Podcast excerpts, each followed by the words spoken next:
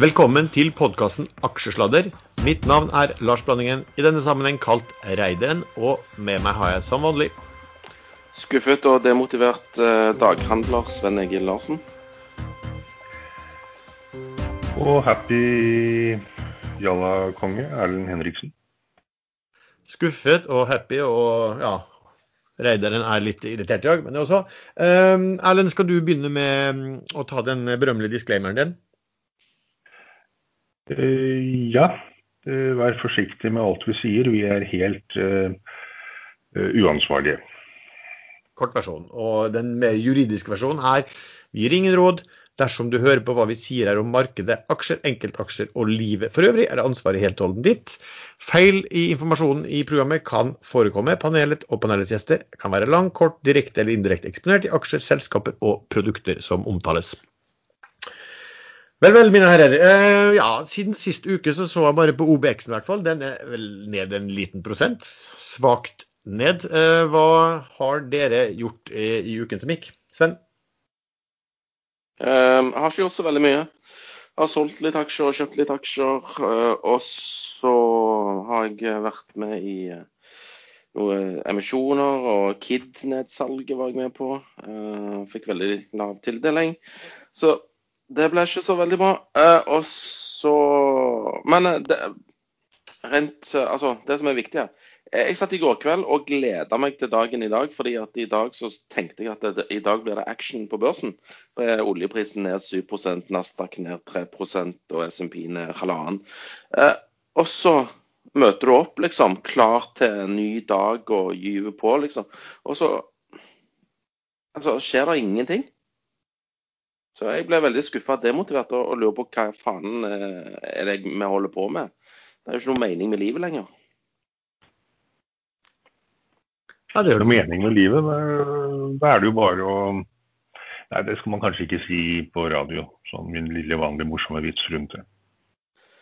Nei, jeg ble, jeg ble bare litt demotivert. For nå, så, altså, det er akkurat som du går og gleder deg til en eh, sånn fotballkamp, toppkamp, liksom, og så blir det 0-0 og ingen sjanser.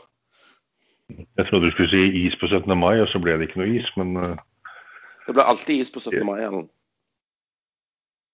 Erlend, hva har du gjort i uken? Jeg eh, satt på tirsdag og holdt på med helt andre ting, og så kom det plutselig en melding i Aksis om at chapter 11, den norske løsningen, er eh, vedtatt og igangsatt. Og da gikk jo Aksis da, som jeg trodde, opp eh, 100% faktisk fra min inngang. Eh, men jeg har ikke solgt. Har, eh, det er jo da begynnelsen på et vakuum case, så jeg sitter og ruger på de. Og har økt litt, faktisk. Ja. Og utenom Aksis, har du gjort noe annet spennende? Ja, jeg har støvsuget. Ja. ja. Porteføljen eller huset? Eh, huset. Nei, jeg sitter og venter på Sidril vacuum cases som jeg håper skal uh, komme. Uh, nå er jo oljeprisen litt ned, og så er den litt opp igjen. Og, men det påvirker ikke aksjer som Sidril mye. Der er det jo ikke noe verdier uansett. Men vi får satse på at det kommer et vakuum.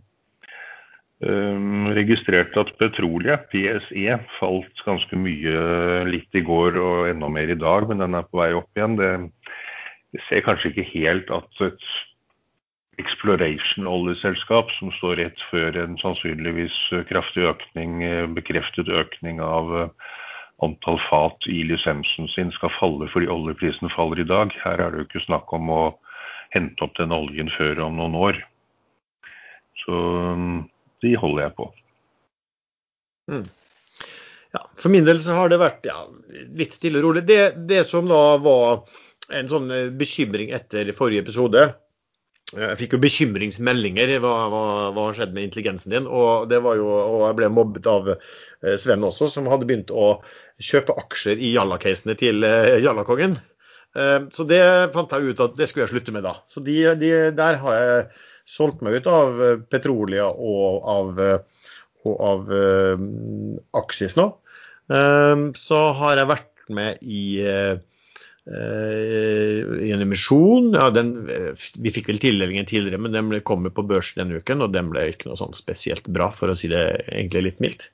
Uh, hva har jeg Men i Aksis du var vel da smart nok til å selge på oppgangen og ikke rett før oppgangen? Jeg solgte på oppgangen, ja. Jeg hadde solgt litt Ja. grann før, men jeg smekka ut når den oppgangen kom, ja. Så Og da må du vel da eh, si da takk til herr Henriksen som tipset deg om et potensielt vakuum-case. tusen takk, herr Henriksen, for at du tipset meg om et potensielt vakuumcase. Det var bedre. Det var bedre. That's more like it. Eh, men da- hadde jeg gjort en liten, eh, gjort, gjorde en sånn liten egenvurdering og en litt sånn taktisk vurdering på det eh, selv også, som vi kanskje kan komme tilbake til en, eh, en annen gang. Eh, skal vi se ellers? Nei, eh, jeg hadde noe europris som jeg hadde som jeg har solgt. Uh, Rana falt jo litt ned. Jeg tok litt mer der, men ja, der skjer det ikke så mye. Jeg hadde noe, noe biotek som jeg solgte også. Ikke, ikke, ikke veldig spennende. Denne episoden er sponset av CMC Markets. Og med oss i dag så har vi jo sjefen Henrik Sommerfelt, som kanskje kan fortelle oss litt om CMC. Hei, Anders. Ny uke og nye muligheter. Eh, innledet sist eh, med en del informasjon om CMC Markets og litt om hva CFD-er er. Eh, med CFD-er så kjøper du altså ikke selve aksjen eller indeksen, men du har mer eierskap i kursutviklingen. CFD-er er jo et derivat. Eh, Hvilke underliggende instrumenter man kan handle hos oss som CFD, snakket jeg også raskt om, men tenkte å gjenta litt. Som, en CFD så kan du hos oss handle mer enn 9000 enkeltaksjer over hele verden, eh, pluss 1000 ETF-er. Norske og amerikanske aksjer er mest populært blant eh, nordmenn. Eh, Ca. 100 aksjeindekser kan man handle hos oss, og noen av de mest populære er den tyske DAX-indeksen, eh, Dow Jones, SMP 500, Nasdaq og OBX-en for nordmenn. Og Over 300 valutapar kan omsettes hos oss, alt fra verdens største og mest likvide finansielle instrument, eh, som heter euro-dollar, og helt ned til meksikanske pesos mot tyrkiske lire. I tillegg kan du handle et hundretalls råvarekontrakter, f.eks. råolje, bensin, naturgass, gull og sølv. Eh, Og du kan også handle statsutstedte rentepapirer med forskjellige løpetider. F.eks. kan man handle den amerikanske tiåringen, som mange er opptatt av om dagen, både long og short. Til slutt vil jeg nevne at vi har tolv forskjellige typer kryptovaluta. Det er ikke selve kryptovalutaen man kjøper, siden det er en CFD. Og sånn sett så er det ingen risiko for hacking etc. Og man kan gå både long og short her også. Jeg avslutter med at det er viktig å være klar over at handel med CFD-er innebærer giring, eh, som kan forstørre både gevinst og tap, og at all trading innebærer et risiko. Men Henrik, du skal jo ikke slippe unna så lett. For vi vet at du eh, ofte blir brukt som ekspertkommentator i finansmedier. Og da kan du jo kanskje fortelle oss litt hva, hva du tenker om eh, markedet slik det er nå? Ja, litt som denne uken så var det jo Fed-møtet som var den store happeningen denne uken. Eh, Fed prøvde å overbevise markedet om at renten ikke skal opp på en stund, men rentemarkedet er ikke helt overbevist. Tiårskilden, eller tiåringen, kom noe ned umiddelbart i forbindelse med rentemøtet, men steg så opp igjen til nivåer som er høyere enn før møtet. Tiåringen er nå faktisk på nivået vi skal tilbake i januar 2020 for å se, og 30-årsrenten skal vi 18 måneder tilbake. Aksjemarkedet tolket Feds uttalelse positivt umiddelbart og sendte aksjeindeksene i all time high. Dette stoppet opp torsdag, og markedet sendte tech-sektoren særlig eh, ned, med minus 3% på Nasdaq, men også den brede S&P 500 og ned 1,5% dette er mens vi har sett litt av i det siste, at tech faller mest på, på den typen rentebevegelse. Dollaren gikk svakere umiddelbart etter rentemøtet, men har korrigert igjen på lik linje med tiåringen. Norges Bank oppjusterte rentebanen og ser nå for seg en renteøkning allerede i andre halvår eh, i år, september. Eh, og det er typisk en kvart prosent av gangen eh, som er det vi er vant til for Norges Bank. Norges Bank gjør nok dette, altså en tidligere heving av rentebanen, mye for å dempe boligprisgaloppen. Eh, de ser for seg 10,1% vekst i år. Og jeg nevnte jo sist at Hvis Norges Bank signaliserte tidligere renteoppgang, så ville vi nok se et kronerally. Og Vi så en umiddelbar kraftig styrkelse nok i norske kroner, men som nå har kommet tilbake igjen og faktisk svekket seg mot før rentemøtet.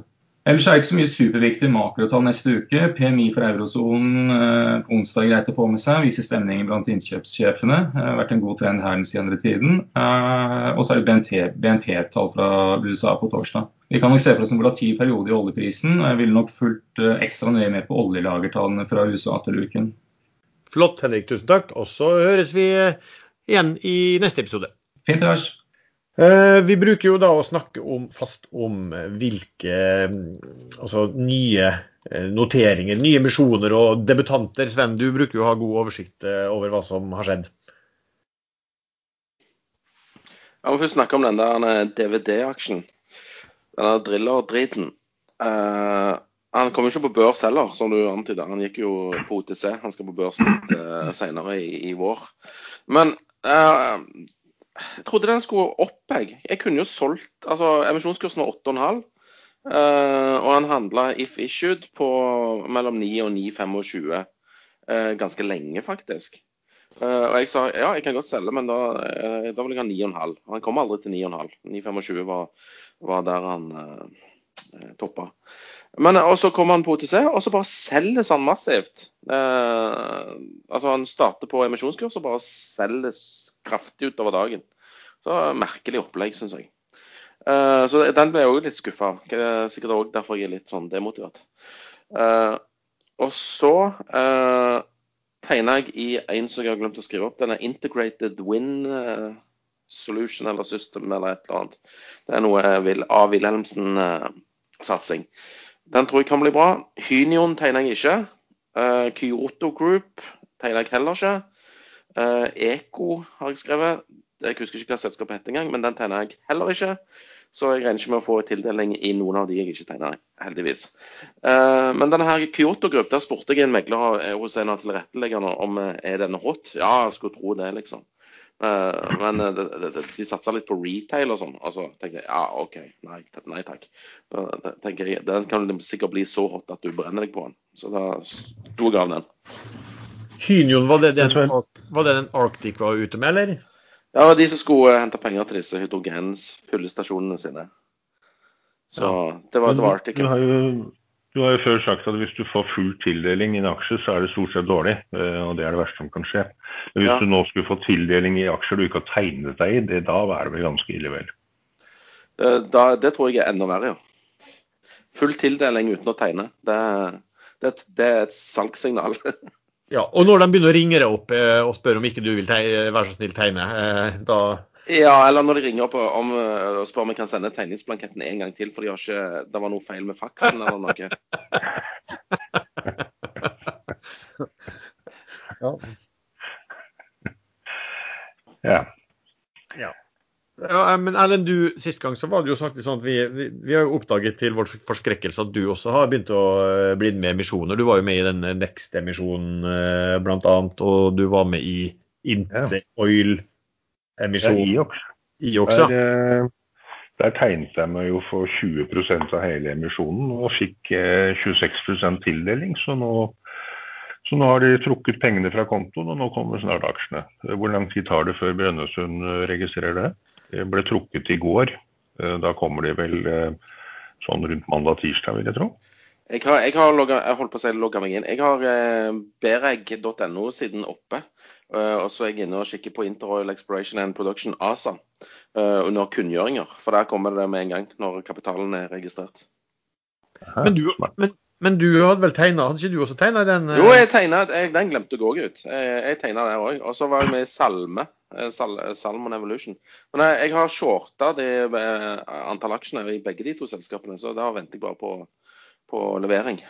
Ja, Så du, du har sydd inn gevinsten, og da skal du bare levere tilbake det du har eh, solgt, egentlig, når, du, når Ja. emisjonen er registrert og aksjene blir levert til deg? Stemmer det? Du, du er ferdig shorta, så de aksjene eh, er solgt allerede på kurs over 1,60, tenker jeg. De ble solgt rundt 1,70, ja. Så da låste vi inn der. Det er jo god deal, det. Ja, det er god tid. Eh, Var det ikke noe som heter, Frøy, er det ikke noe som heter Frøy også, som var ute på Jo, den var jeg heller ikke med på. Husk, hvem, hvem, Hva var det? Det er noe på fiske... Ja, Det er sånn frakt av fisk. Det er sånne små øh, sånn båter. Sånne laksebåter. OK. Jeg kan lite om det, for jeg har ikke gidda å satt meg inn i det. Men det er en, det- det er en av, av, avsporinger fra, eller en uh, avlegger fra NTS. OK. Ja. Det har i hvert fall vært en del sånn skriverier om avisen på det. Den Hynion hadde det vel også vært litt skriverier om at, og forlydender om at de kanskje slet med å få den plassert? I og med at den har blitt utsatt, så regner jeg med at de sleit med det. ja. Ja, for det er jo klart at det er Eller de fikk så mye tegninger at de har ikke klart å telle opp ennå. Et eller annet. Ja, vekt sannsynligheten sånn som man selv vil. ja. Det er i hvert fall en grunn til at han ikke er kommet eh, på børs. Ja. For min del så var jeg også med i DVD-driden, som eh, Unge Larsen kaller det. Deep, Også deep value driller my ass, liksom. deep value dritt eller et eller annet sånt. Den var drit. Men digital videodisk, det var jo ut allerede på 90-tallet, var det ikke det? Men det heter ikke det, vet du. Det heter versatile disk. Ja.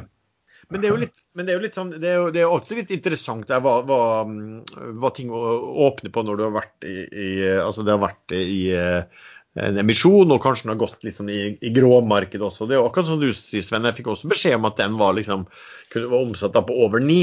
Dette hørtes jo ikke eh, veldig bra ut, og man har jo sett en del av de tilfellene nå hvor, hvor eh, eh, aksjer har vært omsatt i, på et visst nivå i gråmarkedet, og når de har kommet da en, endelig på en slags mer formell notering, selv om disse er fortsatt bare på OTC-listen, så har det liksom hoppet opp. Eh, men nå har du i og for seg i siste også begynt å se den andre biten. Og her er det også litt sånn at det er plutselig som om noen ser at eh, de tar aksjer.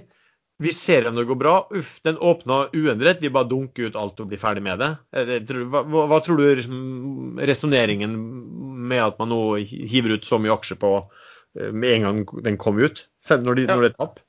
Jeg, jeg solgte sjøl litt i går på eh, 8,5, eller jeg solgte halvparten. Og så tok jeg tilbake igjen på 7,60. Men eh, eh, Nei, det er helt riktig. Jeg, jeg, jeg er også sånn. Åpner den på uh, emisjonskurs, så bare dunker jeg ut. Eller åpner den rett under. Bare dunk det ut, fordi at eh, da, da vil han ikke gå. For det er flere som tenker sånn som det. Mm. Uh, men uh, når det kom til den jeg, jeg ringte jo han megleren som hadde pusha caset på meg uh, i går og kjefta, eh, og han sier bare tørt tilbake. Ja, sånn er det når du er så treg med å selge. og da, og da Men, hørte jeg jo på eh, Spetalen òg i, i går på dette DNB-seminaret. Uh, I always sell too early, said the billionaire.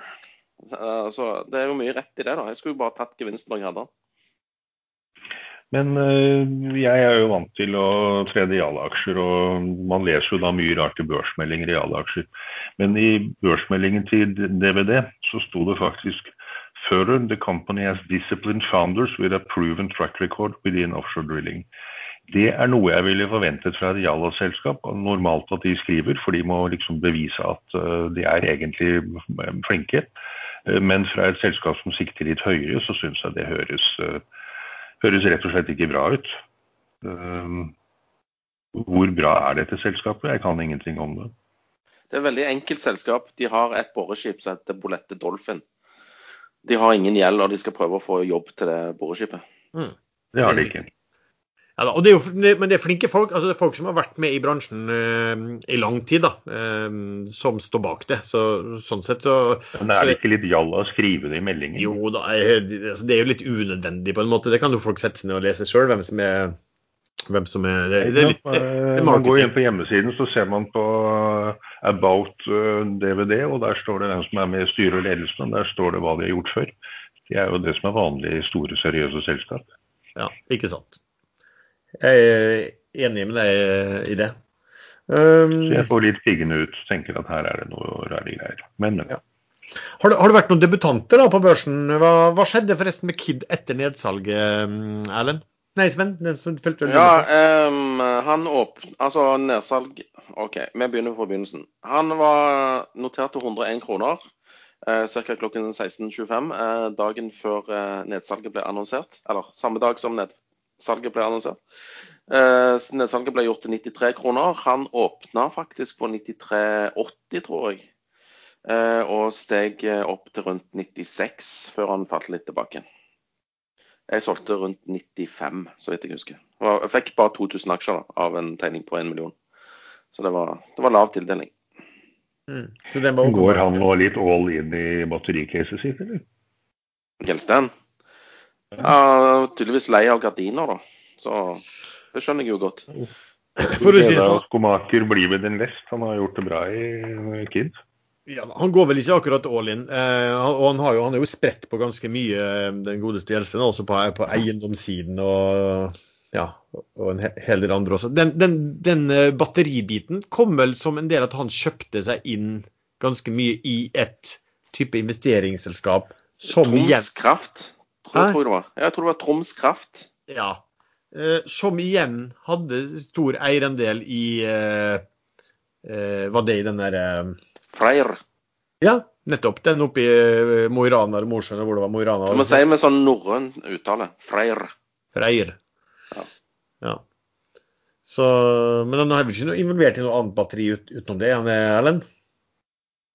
Nei, ikke som jeg vet om. Um, Det caset hans er ikke interessant, men man ser nå at nå er jo Freyr priset eh, lavere enn hvis man man får aksjene billigere hvis man kjøper eh, Freyr direkte enn hvis man kjøper eh, Spacken i USA. Mm. Men Spacken i USA er jo nedsidesikret. Der får man jo uansett 10,2 dollar eller hva det er for de aksjene man nå kan kjøpe på rundt den samme prisen. Så det, det vil jeg jo absolutt si er et bedre spekk enn å kjøpe Freyr billigere på norsk børs hvis man ikke har ekstrem tro på caset. Ja, altså Det er jo spek, mange batteriprodusenter nå, da. Spekken kan jo stemme det ned òg, da. Det har, det har jo vært en del tilfeller faktisk hvor de har slitt eh, med disse spekkene. Vel, for at, eh, det er vel sånn at de skal ha en eh, Jeg husker ikke hvordan det var i denne her eh, H2O-caset, men de skal ha en veldig høy prosentandel av eh, aksjonærmassen totalt som skal stemme ja.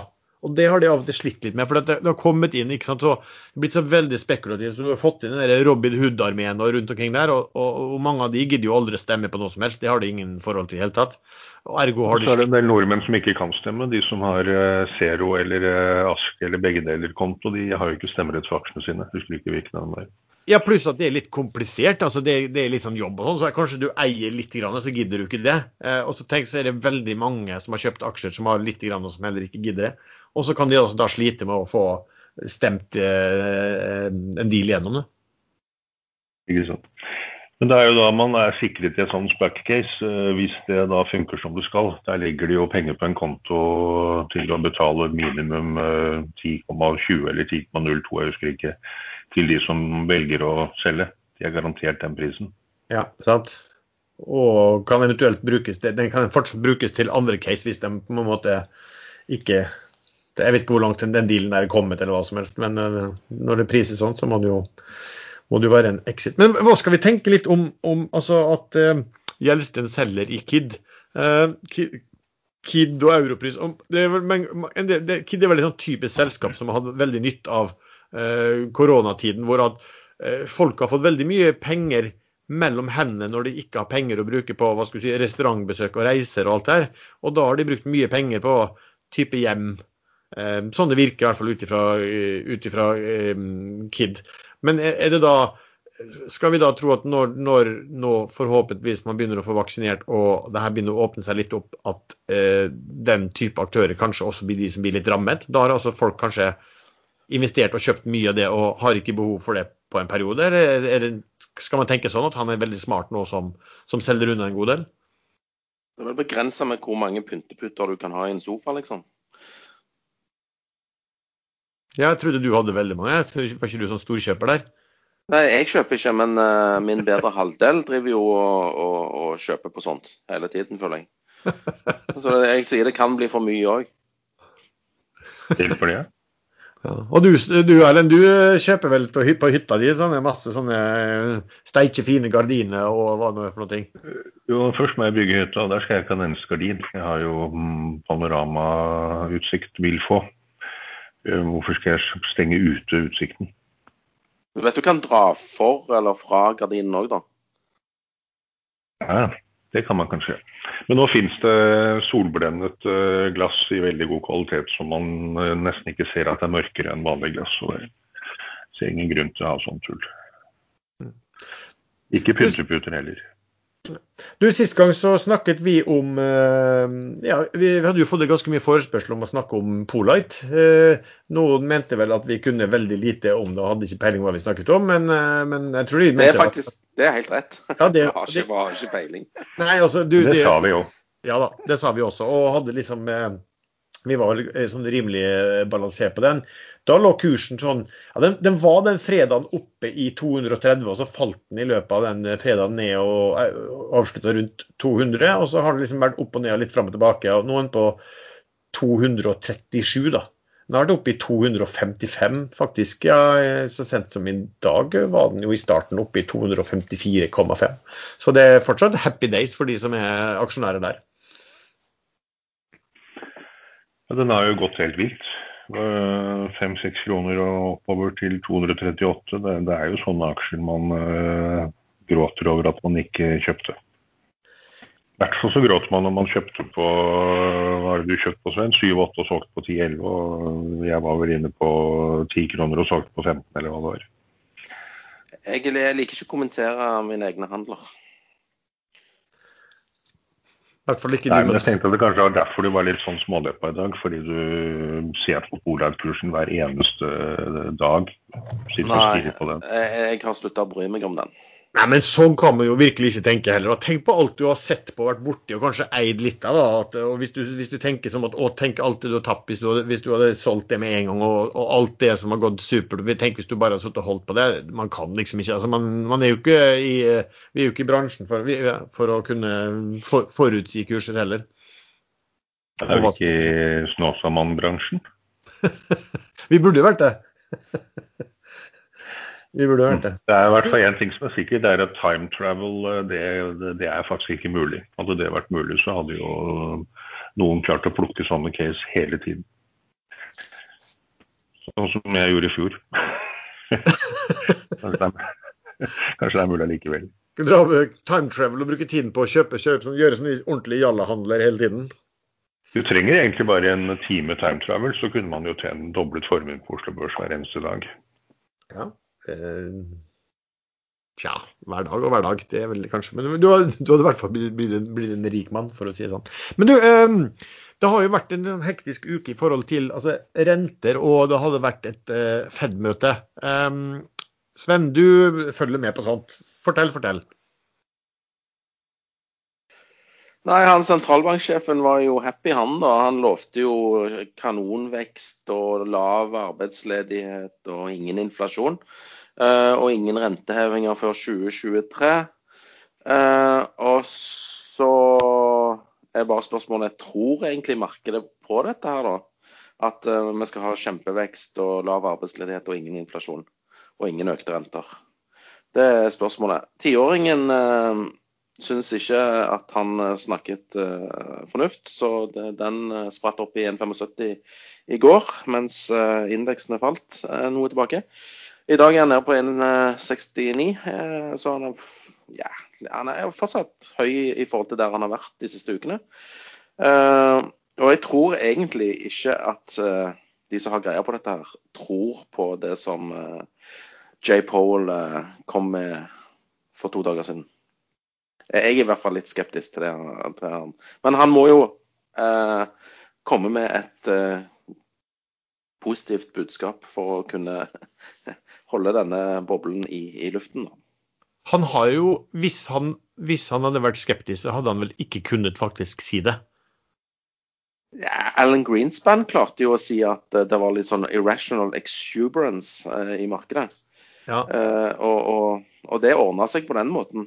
Ja, si sånn. men, men, han hadde ikke vært med å tidoble eh, Fed-balansen på, på, på, på, ikke veldig mange år heller.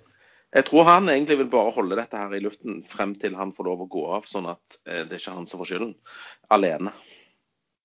Ja, men det kan holdes lenge. Altså, I Japan har de vel holdt på å trykke penger og kjøpt eh, proppa opp altså obligasjonsmarkedet og aksjemarkedet i, i, i, år ut og år inn. det også. Men jeg vet ikke, jeg, vet ikke, jeg kan ikke størrelsesorden på det. Da. det er vel... Eh, jo, men indeksen i Japan har jo slitt lenge nå, før de har kommet seg litt tilbake nå de siste årene.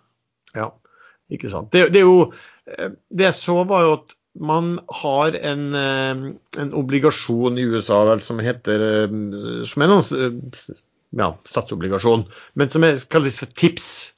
Jeg husker ikke hva forkortelsen var, men, men det er også en slags inflasjonsjustert eh, obligasjon. der hovedstolen endres etter inflasjonen. Så hvis du, liksom måte, hvis du skal beskytte deg på en måte mot inflasjon, da, eller hensynta det, så du, kunne du kjøpe den. Hvis jeg forsto det riktig, så var da femåringen på den altså Den er jo da forskjell mellom den og den vanlige obligasjonen Eh, gir på mange måter sånn matematisk en indikativ forståelse av hva markedet tror om inflasjon. Eh, og da var det vel sånn at eh, hvis jeg forsto det så riktig, at den priset inn da en sånn inflasjon i snitt de neste fem årene på en rundt 2,4% eller noe sånt. Som jo ganske kraftig økning. Så ut ifra da at uh, vanlige renter og sånn, altså hvis det er inflasjonsforventningen i markedet at det skal ligge på 2,4% Fed søker vel etter to, er ikke det det gjør, Sven? Jo, det stemmer. Uh, Pål Ringholm kommenterte jo han Pål uh, dagen etterpå i siden kapitalsladder, og han mente vel at Pål er i ferd med å miste garderoben, å trekke en analogi til en fotballtrener. Fordi at vi ser jo at inflasjonen begynner å, på, begynner å mm, poppe opp, og så hvor sterk den er, så vil Fed da si nå at ja, det kommer en del inflasjon nå de nærmeste måneder over sommeren og sånn, men det tror vi kommer til å være veldig kortsiktig. Derfor skal, kommer vi ikke til å tråtre på noe rente for å, for å mm, forhindre det, eller en overoppheting, eller ja. Det er ikke det de resonnerer. Nei, men hadde de tatt med f.eks. eiendom i denne her eh, inflasjonsberegningen sin, så tror jeg eh, bildet hadde sett litt annerledes ut.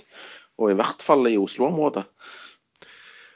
Ja, men de, de, regner vel inn eiendommen De gjør det vel på en litt altså De regner vel ikke inn eiendomsprisen, eller de regner, regner inn hvordan altså uh, leien på det, eller at de bruker renten på det, eller et eller annet sånt for å regne en slags bokostnad. Okay. Jeg sparket akkurat i gang et lite minirally i Aksis.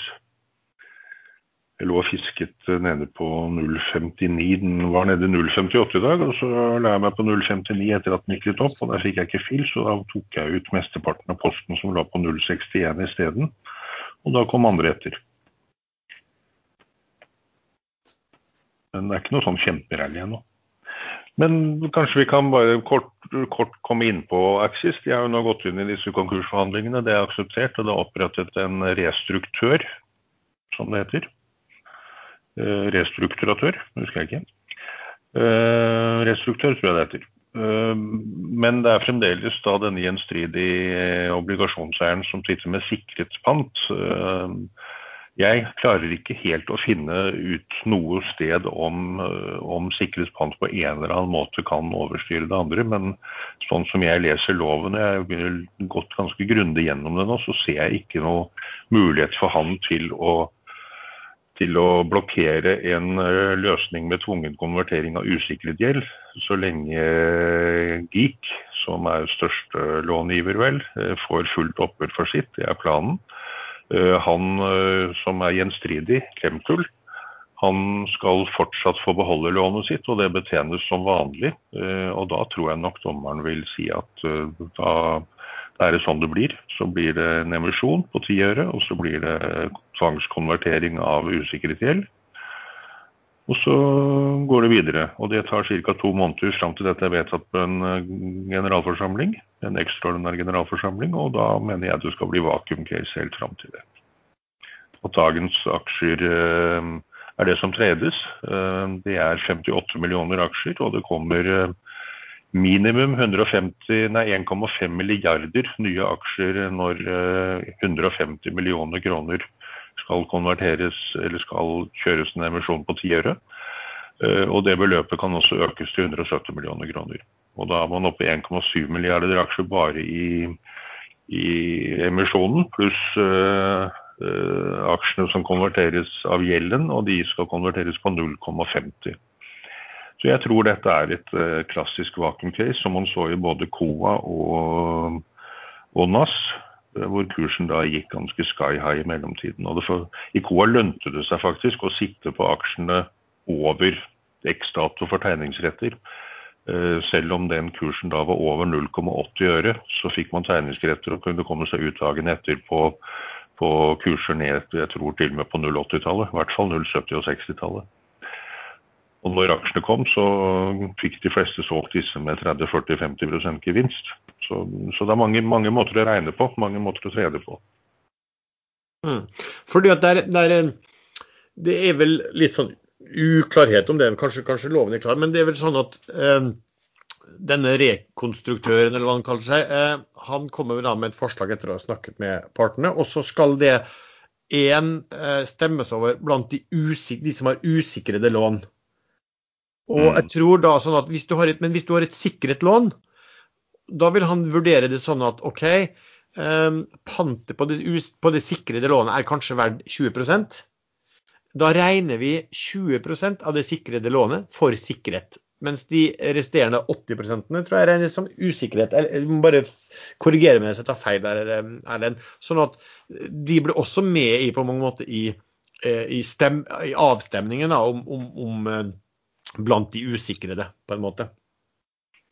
Ja, det er noe der. Eh, hva man regner lånets verdi til. Ja. Det siste fra Lemkuls advokat var at de hadde fått eh, forslaget lagt på bordet og skulle se på det.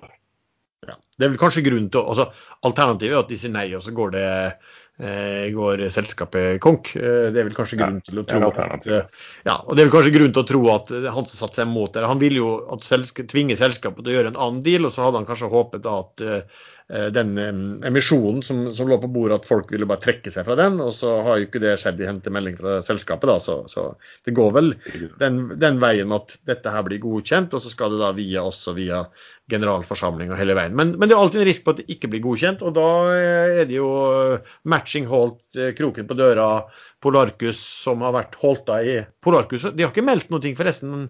Um, de har jo vært uh, matching holdt et, i par uker, eller? Ja, det begynner å bli det nå. Så, men det meste tyder vel på at uh, eierne av det siste lånet også satt foten ned, vil jeg tro. Hvis ikke de strikker sammen nå en kjempepakke, og så åpner aksjen igjen og går uh, sky high med en eller annen god løsning.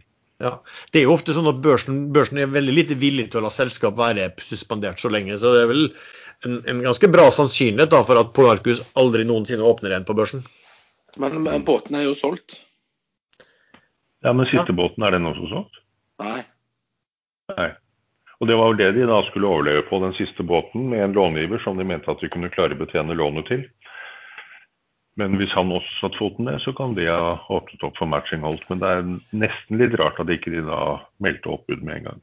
Ja, Långiver var, der var jo, var jo også mm, største eier, som, og som største eier, eller han var største eier, for han solgte ut alle aksjene sine, som jo også var ganske urovekkende eh, i så måte.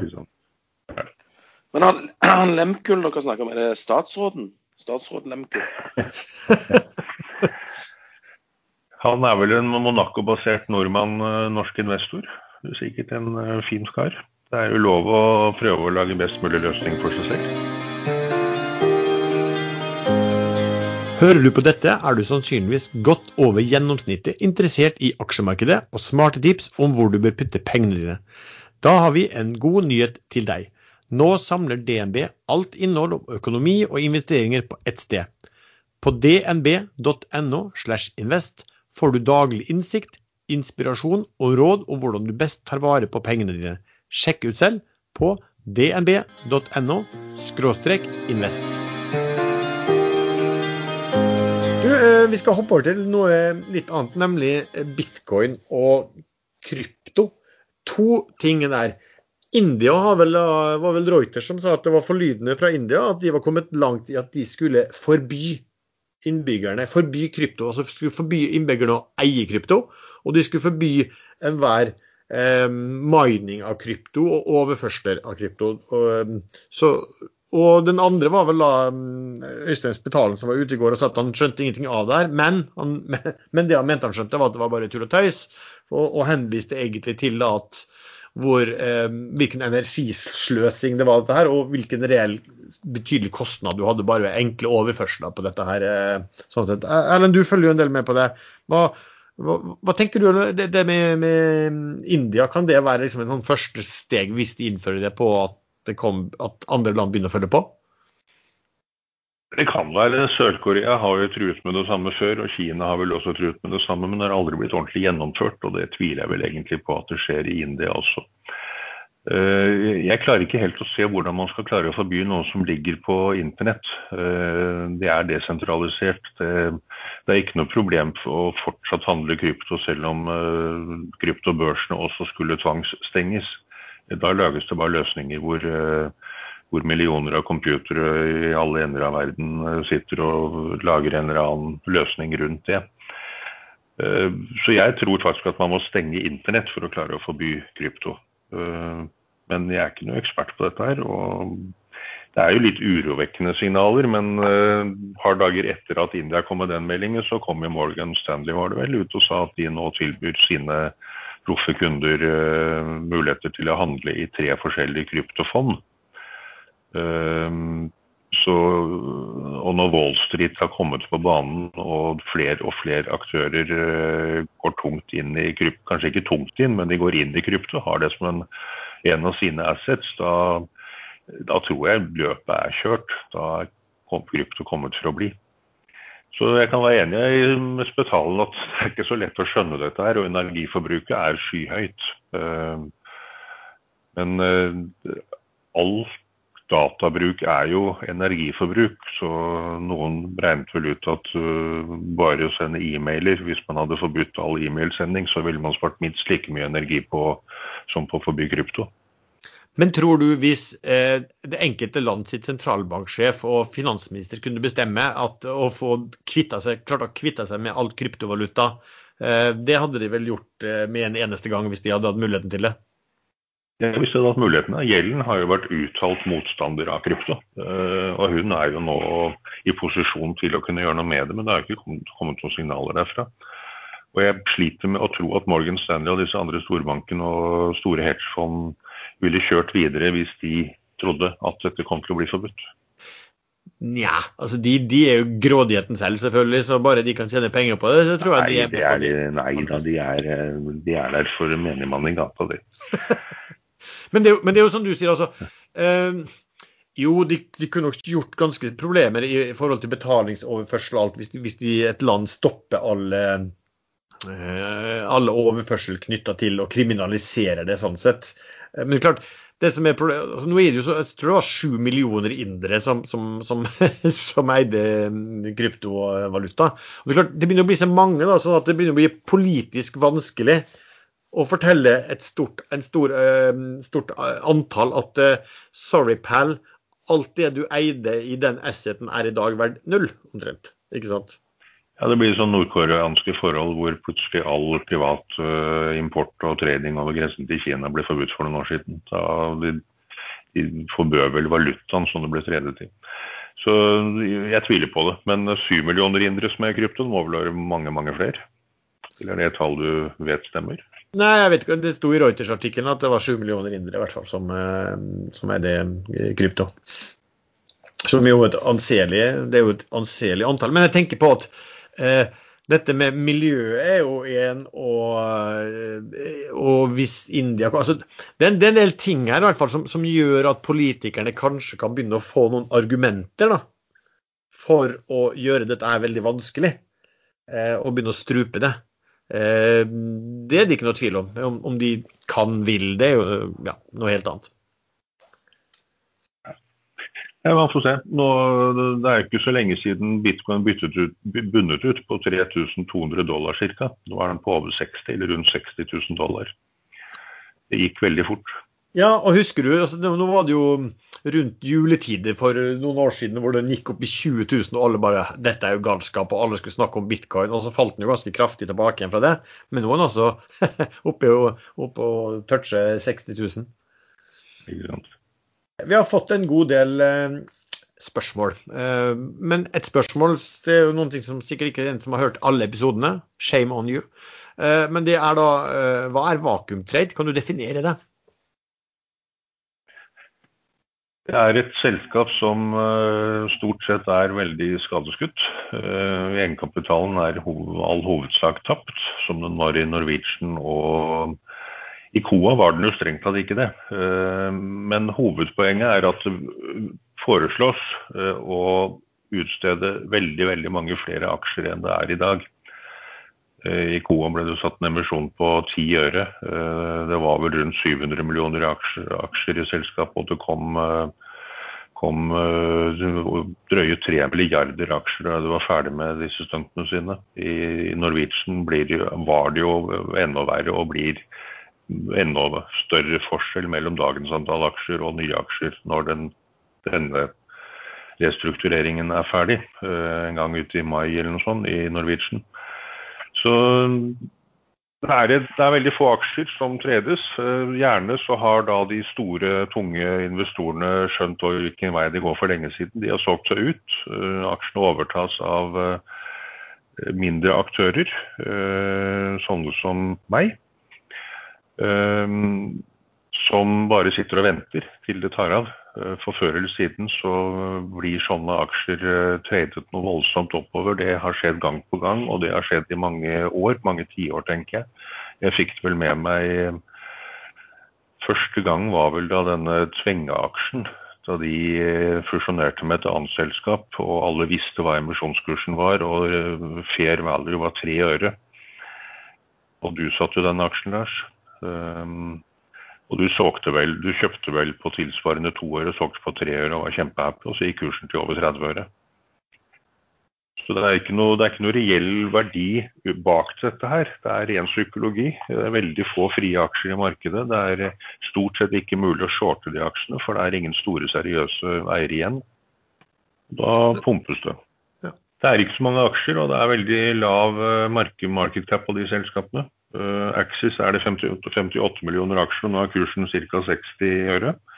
Så 6 ganger 6 er 36 millioner kroner. Da, det, da, skal det ikke så mye til før noen drar dette langt opp. Her er det et spørsmål som er litt, på, litt av det samme, som du kan kanskje svare litt på. Også, har, vi sett, har, vi sett, og hva tenker vi om liksom, asymmetrisk prising av warrants, altså opsjoner, herunder også tegningsretter og underliggende?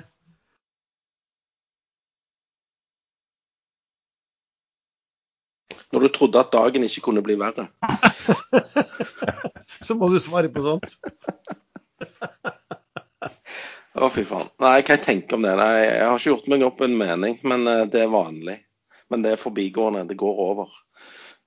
Så det er ingen, eh, ingen uh, grunn til å ta kontakt med lege eller annen profesjonell hjelp. Dette går over av seg sjøl etter hvert. Det, det, det, er jo litt, i, er jo litt i, gata, denne vakuumteorien til Erlend, på én måte. Altså en forbigående eh, feilprising. Ja, vakuum er, vakuum er, jo en tilstand uh, som går over når noen uh, får hull på Altså når det kommer litt luft til. Ja, og det er det for, for, for, for hva? som er berømt et bord for å finne den ene krakken som er tilgjengelig. For det, når, du, når, du, lager vakuum, da suger det jo ut luften av noe, gjør det ikke det? Jo, og så tilføres det plutselig luft, og det kan være dårlig luft.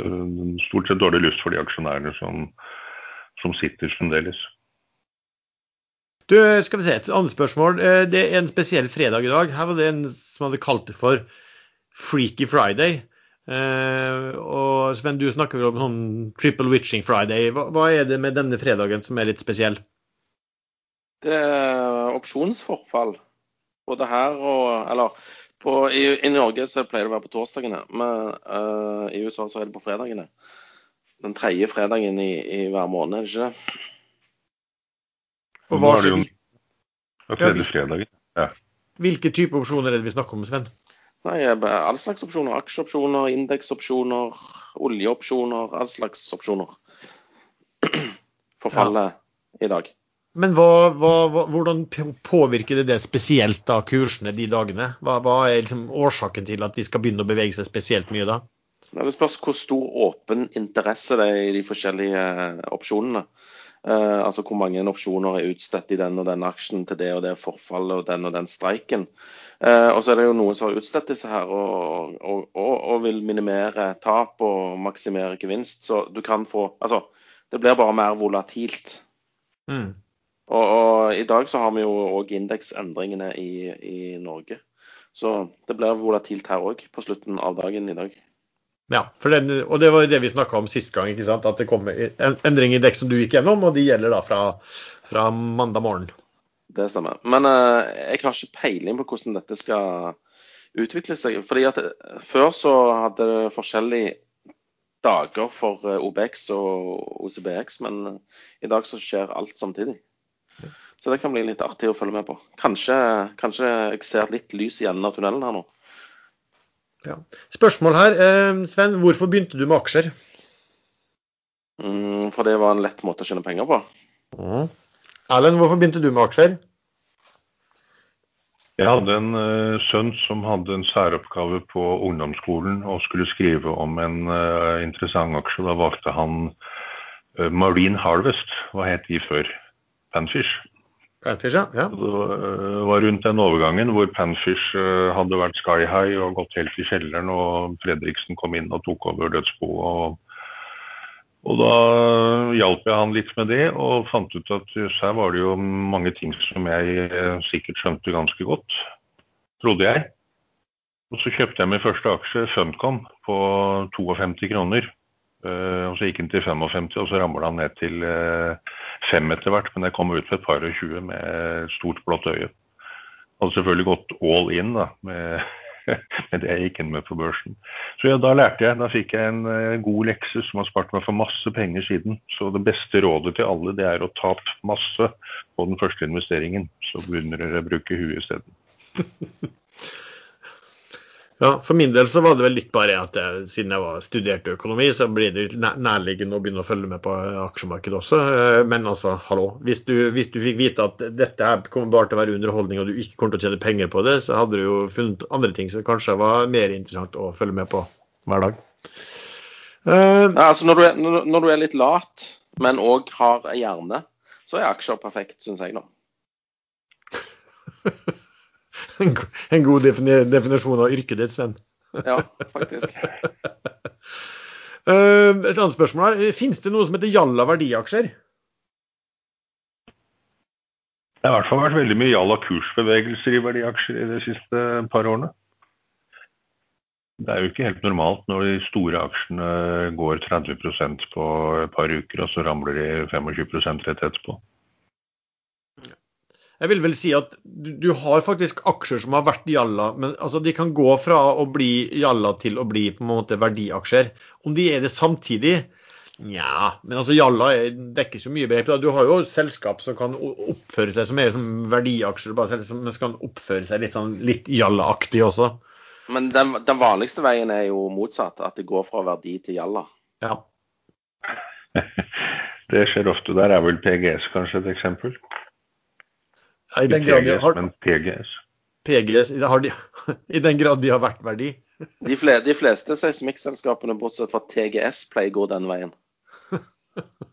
ja. Men DNO var jo en aksje som man nesten måtte være forsiktig med å innrømme at man eide i sin tid. Uh, før det plutselig ehm, ble større og større. De, hvor mye henter opp olje nå? Er jo, de er jo enorme. hvis man eller ikke Vismann, de, det er et par hundre tusen fat nede i, i, i, Kurdistan.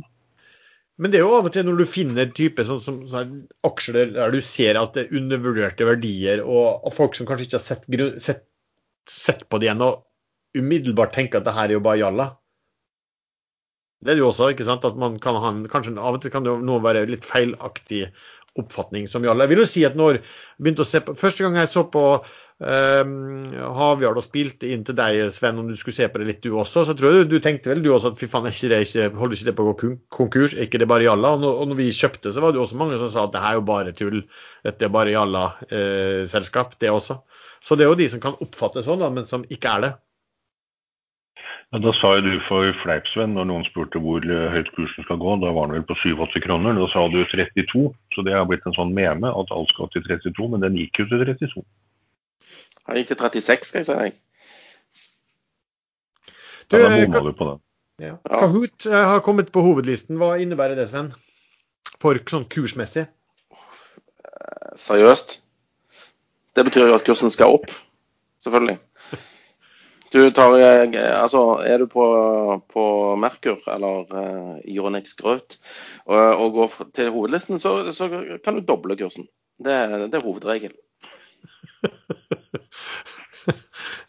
men, men seriøst det betyr det vel kanskje at litt flere aktører har anledning til å handle Ja, eh, men, la, men la oss, hva skjer da hvis det er flere aktører som kan kjøpe aksjen eller handle aksjen?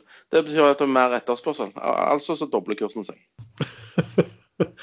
Og går til 32. Nei, det kan den ikke gjøre, selvfølgelig. Nei, nei, nei da, går, da går han ned. Eh, annen ting, Vi har snakket om ADS Maritim. Eh, nå har jo de delt ut alle de pengene som vi har snakket om i lang, lang tid. Hva, hva er status nå? Nei, de, de ligger nå der. Er Klar for å bli brukt til et annet shippingeventyr fra Arendal. Så det er bare å glede seg. Mens, så, mens den blør sakte og sikkert eh, litt kontanter. Ja, for det var vel sånn at de, de kontant, det ble- litt mindre igjen i eh, selskapet i cash der enn hva man kanskje hadde trodd eh, sånn sett, eh, og håpet på. Og så har det vel vært snakk om siden Altså, eh, hva heter det, Ship Finance var jo større eier, og de solgte alle aksjene sine til han var Flymannen. Bjørn da? Ja, han flymannen. OSM Aviation. Han som er med på dette her flyselskapet til Kjos og Skise. Det er riktig, og de holder på å hente penger nå. Og da var det vel noen som også håpet på at kanskje de vil bruke ADS til eh, børsinstrument? Men de gjorde ikke det, vet du. Nei, det ser vel egentlig ikke sånn ut, siden de henter på et annet selskap. Og han uttalte seg vel også om, om ADS, at, at de så etter liksom, nye investeringer innenfor Kanskje han, shipping. kanskje han flyselskap eh, som er notert på Kypros. Nei, jeg vet ikke jeg hvordan det der vil, vil, eh, vil fungere. Men det er i hvert fall status eh, eh, på den. Dette Kjos flyselskapet det er jo tre ganger Bjørn i ledelsen, er det ikke det? Eiersiden. Bjørn Kjos og Bjørn Riise og et eller annet Bjørn fra ADS. Ja. Så det burde jo hett Bear Aviation eller noe sånt nå. ja, Tikker Bear, liksom bra for et flyselskap. Ja. Um, Sven, har du fulgt med på, har du fulgt med på og vennligst ikke mobb, Surnadal-Sunndal-konkurransen? Vet du hva, Den gidder jeg ikke ta denne uken, for vi må ha litt, eh, vi må ha litt eh, opphold mellom hver gang vi nevner de to bankene. Ja, og skal vi snakke om hver uke, så må vi faktisk snakke om den ene aksjen som er omsatt i hver av de omtrent. Ja, dette, var, dette, var, dette er ikke seriøst ment, folkens. Dette er bare en slags greie vi fant på for å ha litt gøy. Så Har du fått drapstrusler nå? jeg skal aldri snakke eh, slemt om verken Sunndal eller Surnadal. Jeg, jeg lover. I hvert fall ikke denne uken. Så kom det også et spørsmål på Magnora, og da kan jeg ha en sånn liten rant. Vi, vi sender jo ut et sånt børsekstra hver dag. Dette, dette kommer vel til å ta litt tid, så jeg bare muter meg sjøl nå. Du kan mute det sjøl, det tar ikke lang tid, skjønner du. Eh, men det var en liten rant fordi at eh, eh, jeg sender jo børsekstra ut, og det går til 18 000, så jeg kunne være, rente litt i dag på det. Og det, det var egentlig litt at nå begynte begeret å bli litt nok på eh, Og det her er litt urettferdig mot Clarksons. me- Meglerhuset, men eh, det var fordi jeg ble irritert på hva jeg så ganske, ganske mange meglerhus nå. Fordi de, i hvert fall i forhold til media, ikke sett analysen sjøl, så kom de med en klart økt kursmål på Magnora. Og Magnora har vært bra, det er flinke folk. De har posisjonert seg og gjort veldig mye riktig nå når de endret strategi. Men de eh, gikk ut da og sa at du, de sammen med Teknip skulle satt, sette opp et sånt joint venture som skulle hete Magnora Offshore Wind.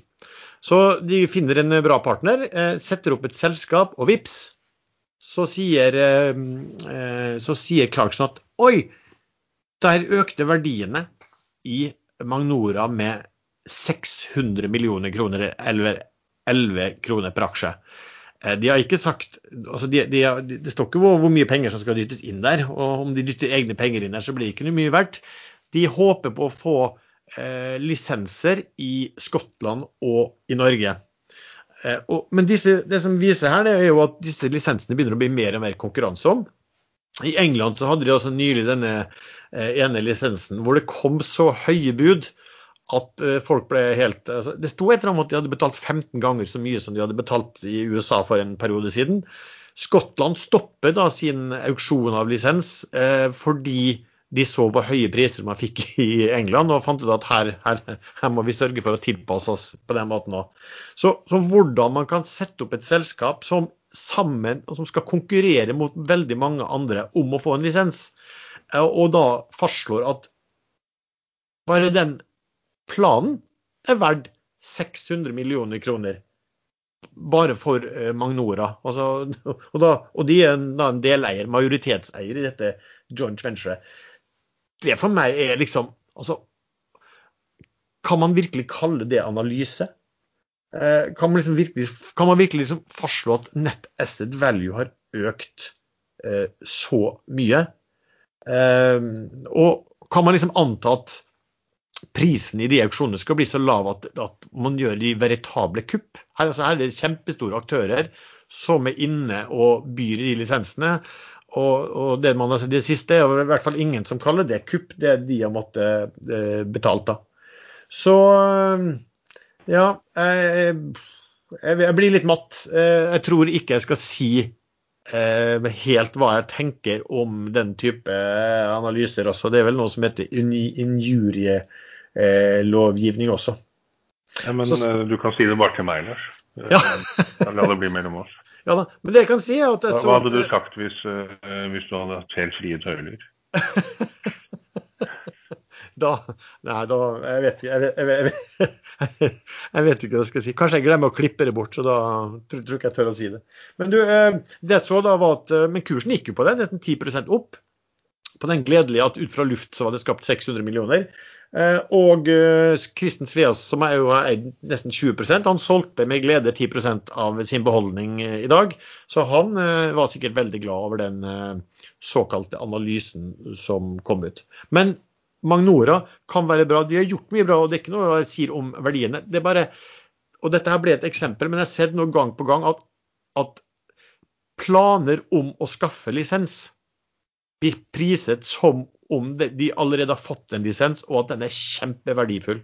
Jeg kan ikke huske i, i, i oljebransjen at et selskap som eh, sa at de håpet å få en oljelisens, skulle få eh, priset den lisensen som om én de hadde fått den, og to at de hadde gjort funn på forhånd.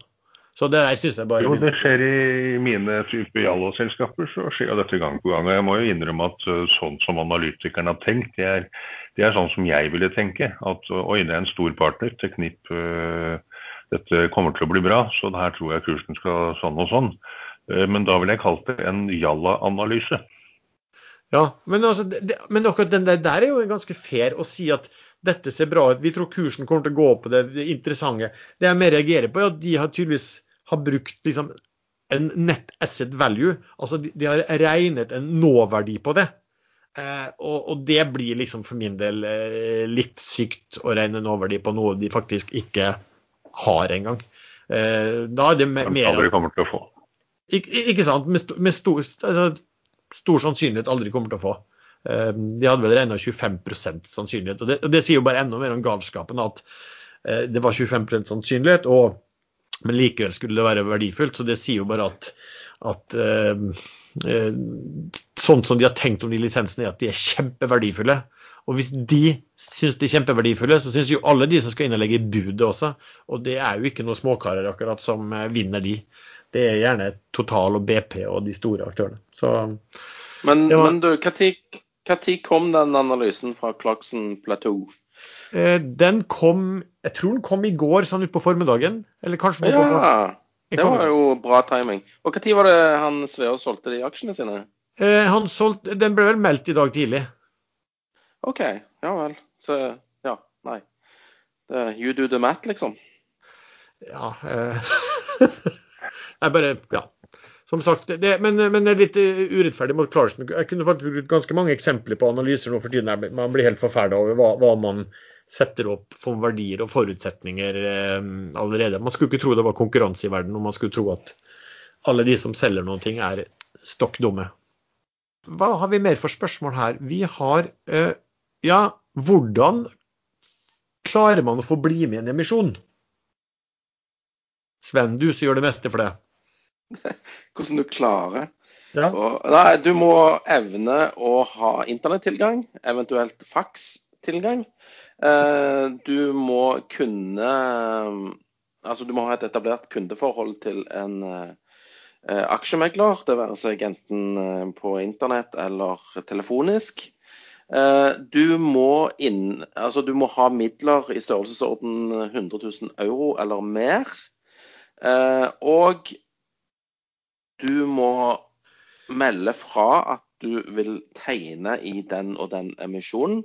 Eventuelt fylle ut tegningsblankett, eh, skanne, eh, altså undertegne den, skanne og sende i retur på e-mail.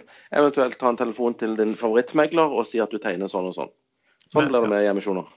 Men bestikkelsen, Sven, den, den kan du ikke sende digitalt, liksom. Hva er det du snakker om nå? Den bestikkelsen du må du må, Alle, må jo bestikke noen for å få bli med i misjonen, er det ikke sånn? Nei, det er faktisk ikke et krav lenger. Finanstilsynet har tatt bort det kravet. Meglerbransjen sin egen eh, selvjustis som eh, compliance, tror jeg det heter, har tatt bort den. eh, Det var mye, når du jobbet i bransjen, så var vel det ganske vanlig, vil jeg tro. Men nå er ikke det lenger mulig. Men, eh, men du, du har jo ytra deg eh, de siste dagene at det burde vært mer rettferdig tildeling og bla, bla, bla, liksom. Eh, men hva da med trynefaktoren? Det syns jeg er en veldig viktig faktor i, i denne bransjen som vi da opererer i. Ja, men vi kan godt ta den lille, lille diskusjonen her, da. Det var bare at Det er jo mye styr om eh, om rettede emisjoner. og Det er jo helt utrolig at, at politikerne da, faktisk har gjort slik at rettede emisjoner er lettere å gjøre enn enn emisjoner der eh, dagens aksjonærer får lov til å bli med. Eh, Så var det egentlig bare det jeg sa, at enhver eh, emisjon burde egentlig gått gjennom en auksjon, en børsstyrt auksjon, der meglerhusene og selskapene hadde null innflytelse på hvem som fikk tildeling. Det vil si, eh, du, man la inn en ordre eh, X på det og det antall eh, aksjene, på det og det kursnivået, og så eh, sørget man for at de som bøy mest, fikk, og fordelt et matematisk fordeling. Hva, hva, er, det, er, det, er det urealistisk, Sven? Eh, Jeg tror ikke vi får oppleve det i vår levetid, eh, faktisk. Jeg tror det med, med, med, med trynefaktor og vennskap, kjennskap osv. kommer til å være en viktig del av, av denne bransjen ganske lenge. Du bare ser i USA, da, på de hotte emisjonene som ble gjort av Morgan Stanley, Goldman Sachs og sånn. Hvem er det som får tildeling? Det er liksom ikke mannen i gata. Men der, og der er vel også litt sånn altså Av og til så kan det komme spørsmål hvordan blir det solgt ut av en del emisjoner veldig tidlig. Man, man skulle nesten tro at de som hadde fått aksjer i emisjonen, ikke ville ha de.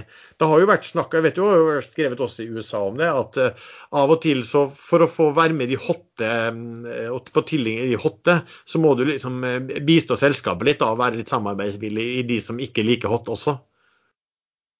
Tror du det gjelder her òg? Virker jo sånn, da. Jeg føler jeg har vært med på noe som jeg ikke skulle vært med på her i denne her eh, DVD-en. Sånn er det. Erlend, hva tenker du om, om, om hva skal vi si, en, en demokratisering av dette med emisjoner, og gjøre den helt eh, transparent og auksjonspreget?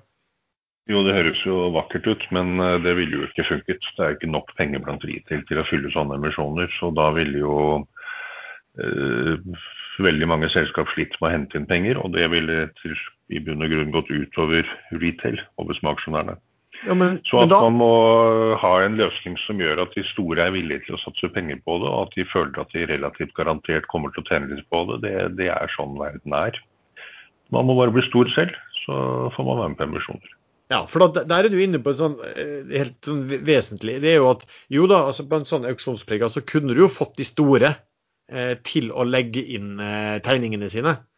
Eh, men de er kanskje ikke så interessert i å se på saker hvis de ikke vet at hvis jeg tegner meg, så får jeg i hvert fall en fair andel. Det er jo ofte sånn det fungerer, da. Men klart, hvis, hvis alt hadde vært auksjonsbasert, altså at det ble en lov, hvis du skulle være børsnørt, så må du gjøre sånn, så hadde du ikke hatt noe valg. Jeg husker jeg ble veldig irritert av Nordic Mining, som er seriøst på alle måter, eller lot seg lure av tilretteleggeren til å kalle øh, den uh, Gjelleshaug-gjengen som ble hentet inn, for kvalitetsinvestorer. Eh, Da får jo da vi småaksjonærene litt sånn Hva er vi da? Eh, Møk Møkkainvestorer? Eller eh, white trash? Nei, du har sjøl definert det som kanonføde, tror jeg. Kanonføde, ja. ja. Det er også. Ja. Så ord, ordvalget er sikkert litt fornuftig, og en uh, viss fairness, uh, særlig i selskap som allerede har uh, En ting er i IPO-er, at de store investorene får full pakke og tildeling og tar mesteparten der, men når et notert selskap henter penger, og dagens system gjør at da eksisterende aksjonærer får en ekstrem liten reparasjonsemisjon, det er faktisk ganske skittent. Eh, og det er egentlig ikke lov. Eh, hvorfor det har blitt gjeng standard og ikke unntakene, det skjønner jeg ikke. Det skjønner jeg ikke at ingen stopper. Skal vi se, Sven, her er et spørsmål til deg. Når, når, velger du inngang? Når velger du eventuelt å akkumulere? Når velger du å bare selge litt, eller, og når velger du å selge alt? Hva, hva, har du noen sånn generell strategi rundt de tingene? Nei, jeg kan ikke med hånden på hjertet si at jeg har det. Det går litt på erfaringsbasert uh, læring.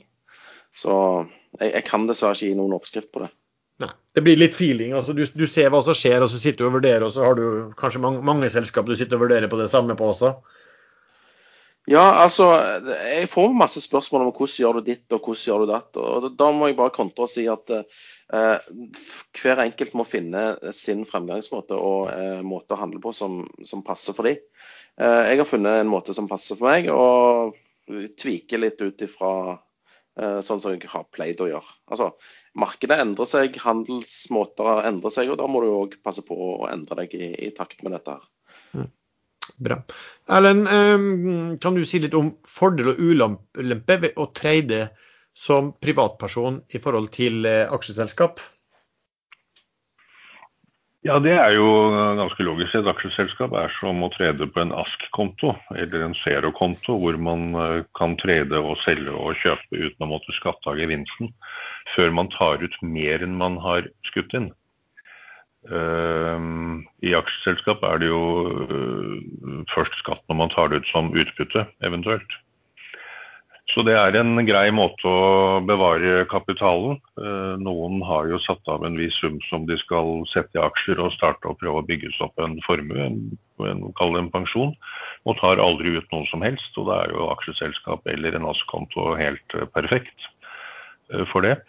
Eh, når man treder på privat, så slipper man styret med å måtte uh, føre regnskapet riktig i et aksjeselskap og utbyttevedtak på generalforsamling og melde det til Brønnøysund osv. Uh, men hver gang man selger en aksje med gevinst, så forsvinner jo da pluss-minus 28 jeg husker aldri den prosentandelen, forsvinner direkte i skatt hver gang man tjent på et salg, men når man taper på et salg, så får man jo fradrag, for det.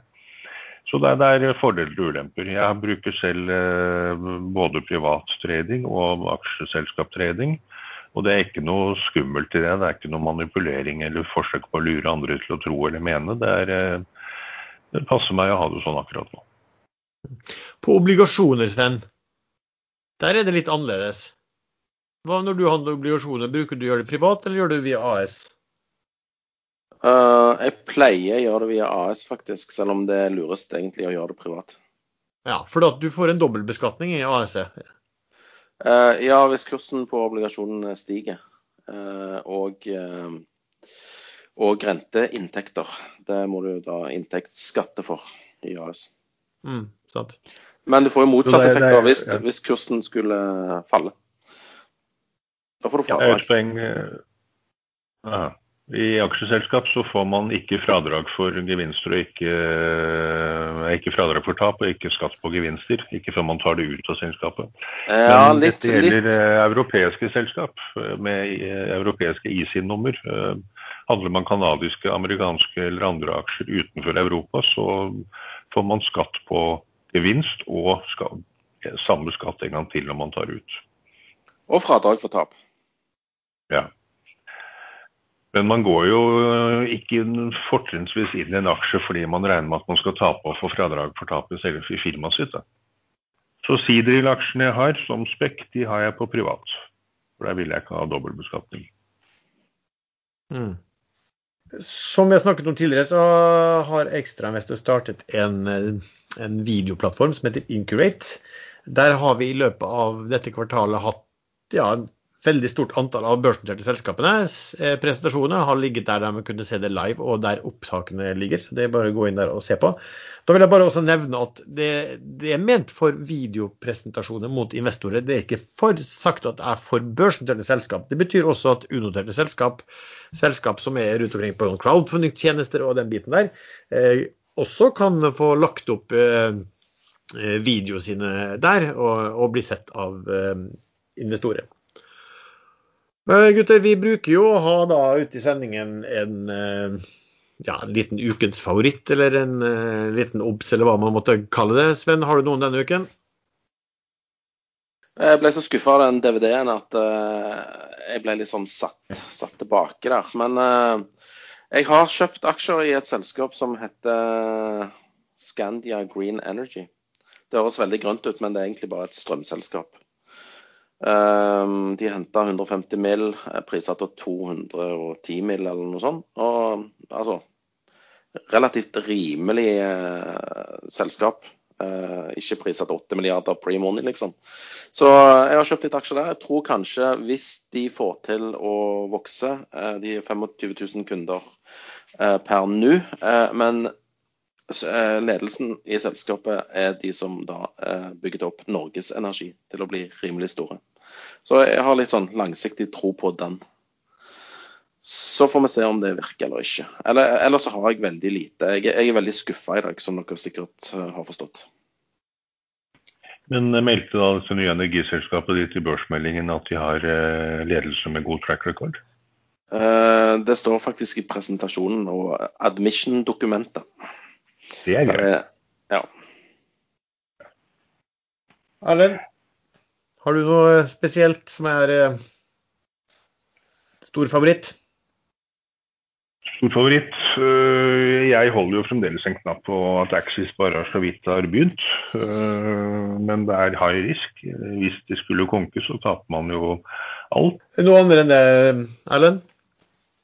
Petroleum er jo rett før, eh, sannsynlig, sannsynligvis rett før melding om funn eller ikke funn i, på den nye boringen. Men det er jo en type avgrensningshull av, av, fra, av den forrige boringen, så det skal litt til at ikke de finner noen ting. Eh, men, så de kan, finne, de kan jo melde at de finner mye mer enn de trodde, eller kanskje heller opp, opp til maks av det de håpet på. De har jo satt en range på hva de tror det er i, i det feltet. Så det hadde vært veldig fint hvis den rangen eh, øker, eller at den øker mot taket av rangen. Og de har jo noe sånt som 13 lisenser i området rundt uh, denne Dugong-lisensen. Så det vil deriskere ganske kraftig, tror jeg. Og så har de da muligheter nå til å komme med noen nyheter innenfor uh, CO2-management. Uh, mm. Og carbon capture. Så plutselig så blir det et veldig morsomt selskap. Så der har jeg ganske mye. Jeg tenkte jeg skulle si litt om et selskap vi har snakket veldig lite om her. Det var faktisk et selskap som eh, vi forrige uke fikk eh, forespørsler fra flere på ekstrainvestorer om jeg ikke kan gjøre en sånn kjapp analyse på. Eh, og så hadde vi ikke, vi hadde ikke tid da, og ikke hadde derfor å gjort det heller. Men det har jeg gjort i dag. og den heter Aqualis. Nå heter vel Aqualis Bremer, heter de, for de har slått seg sammen med en annen større aktør. Den er faktisk opp, dagens vinner opp 12 Eh, og det var fordi at Nordea eh, den ligger da i 8,55 akkurat nå. Det var fordi at Nordea kom, initierte i dag analyse eh, med kursmål 14 på det. Ja, hva, hva, er det her for selskap? Dette er egentlig et konsulentselskap som driver innenfor fornybar, offshore, marine og inn mot forsikring. Det er konsulent, engineering, altså loss prevention, den biten der. Det ble et ganske stort selskap. Hadde, altså, de, de, kjøpte opp en stor konkurrent, eller gikk sammen med da, i, i, slutten av 2020. Så hvis man ser nå, ligger vel de og har inntekter på 1,2 milliarder som selskap. Marketcapen er nå på vi Se hvor mye marketcapen er på der. Den er på, for nå har jo kursen gått opp en del.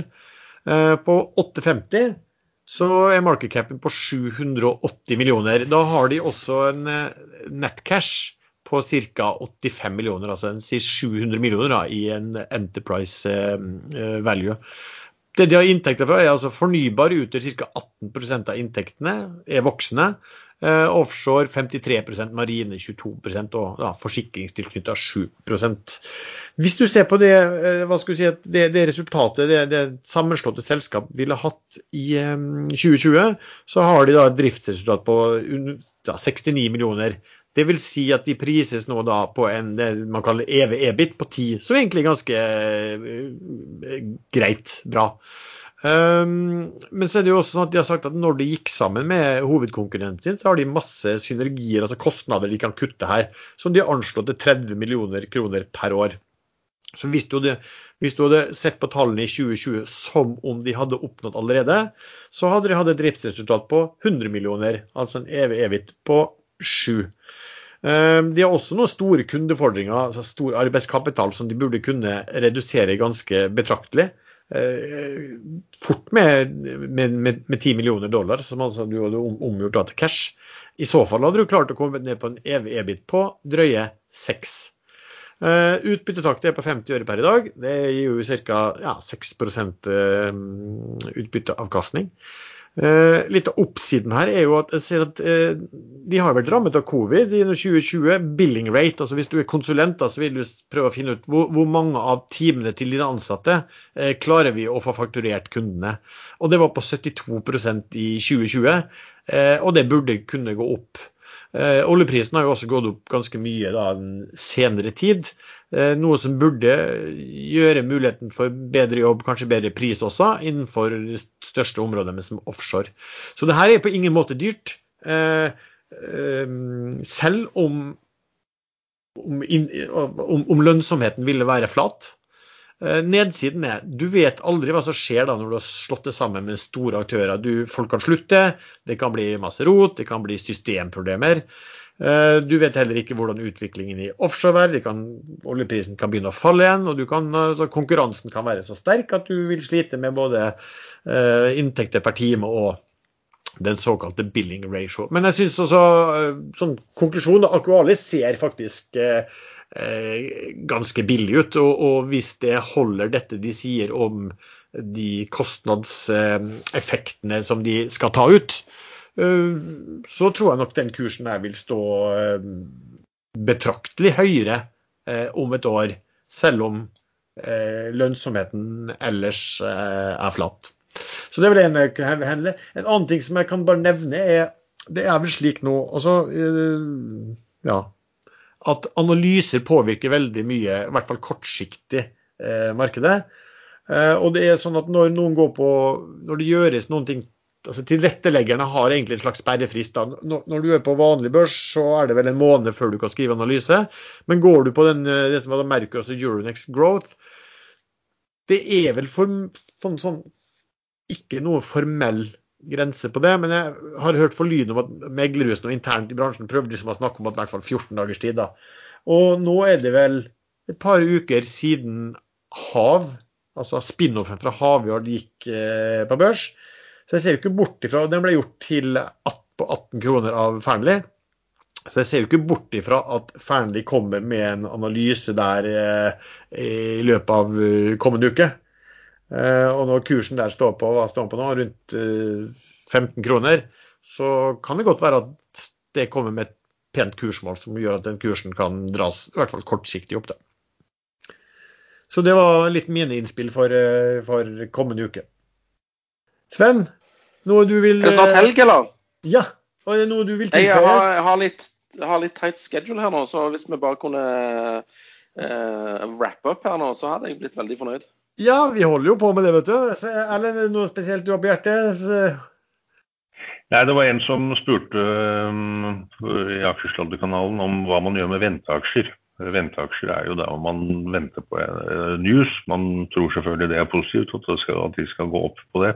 Men som med Bergen by har man jo sett at sånt tar fryktelig lang tid. Og det samme i stort sett alle biotek-aksjer, og gjerne også Eh, litt sånn uh, olje-exploration-aksjer. Um, jeg, jeg, har forslag. Ja. Uh, man venter. Jo, men skal du vente på utsiden eller innsiden? Jeg har i det siste begynt å vente på utsiden. Og når jeg føler at uh, når jeg får sånn at magen min begynner å knytte seg litt, og jeg ser på kursen på den aksjen hver eneste dag, og hver gang det piper inn en børsmelding, så tenker jeg er det de som fikk den børsmeldingen? Da pleier jeg å kjøpe. Uh, og så hender det at jeg får rett. Men stort sett så får man jo ikke rett i det. Ting tar tid. Men det er sånne aksjer de går gjerne to- og tregangeren når, når det kommer en melding som er like god som alle hopper på. Eh, det er derfor det er litt kjedelig å sitte utenfor akkurat når den kommer. Men man går jo glipp av veldig mye annen trading og veldig mange andre muligheter som binder for mye penger i, i sånne ventecase. Så jeg prøver å unngå det. Hva, hva, skal dere gjøre i helga? Uh, jeg tenkte jeg skulle ha 13 av mine nærmeste venner på sushi. Ja. Men uh, jeg lurer litt på hvorfor sushi ble spesifisert i meldingen. Er det sånn kodespråk? Hvorfor, hvorfor liksom, Det er jo godt. Det er jo, det er godt. Det er godt med sushi. I hvert fall hvis du har litt Helt i begynnelsen da korona kom i Kina, da ble det jo skrevet i de første pressemeldingene at det spredde seg fra et fiskemarked. Det var jo det jeg sa på aksjesladder da vi hadde vår svarte sorte svane. Så jeg bare lurer på om det har noe med korona å gjøre. Ja, mulig. Men jeg har ikke tid å være her lenger. Jeg må, skal møte en hummerfisker på brygga om et kvarter. Så ad, adios. adios. Da tar vi helgen. Da takker vi så mye til deg som har lyttet på denne episoden. Du kan følge oss og ta diskusjoner med oss inne på Ekstrainvestor sin chat. Der har vi en kanal som heter eh, Aksjesladder. Vi har også en egen dedikert gruppe på Facebook som heter podkasten Aksjesladder. Um, der du også kan uh, kommentere både episode og hva du ønsker at vi skal ta opp for tema fremover. Musikken er som vanlig laget av sjazz.com. Takk igjen for at du lytter, og så høres vi snart igjen.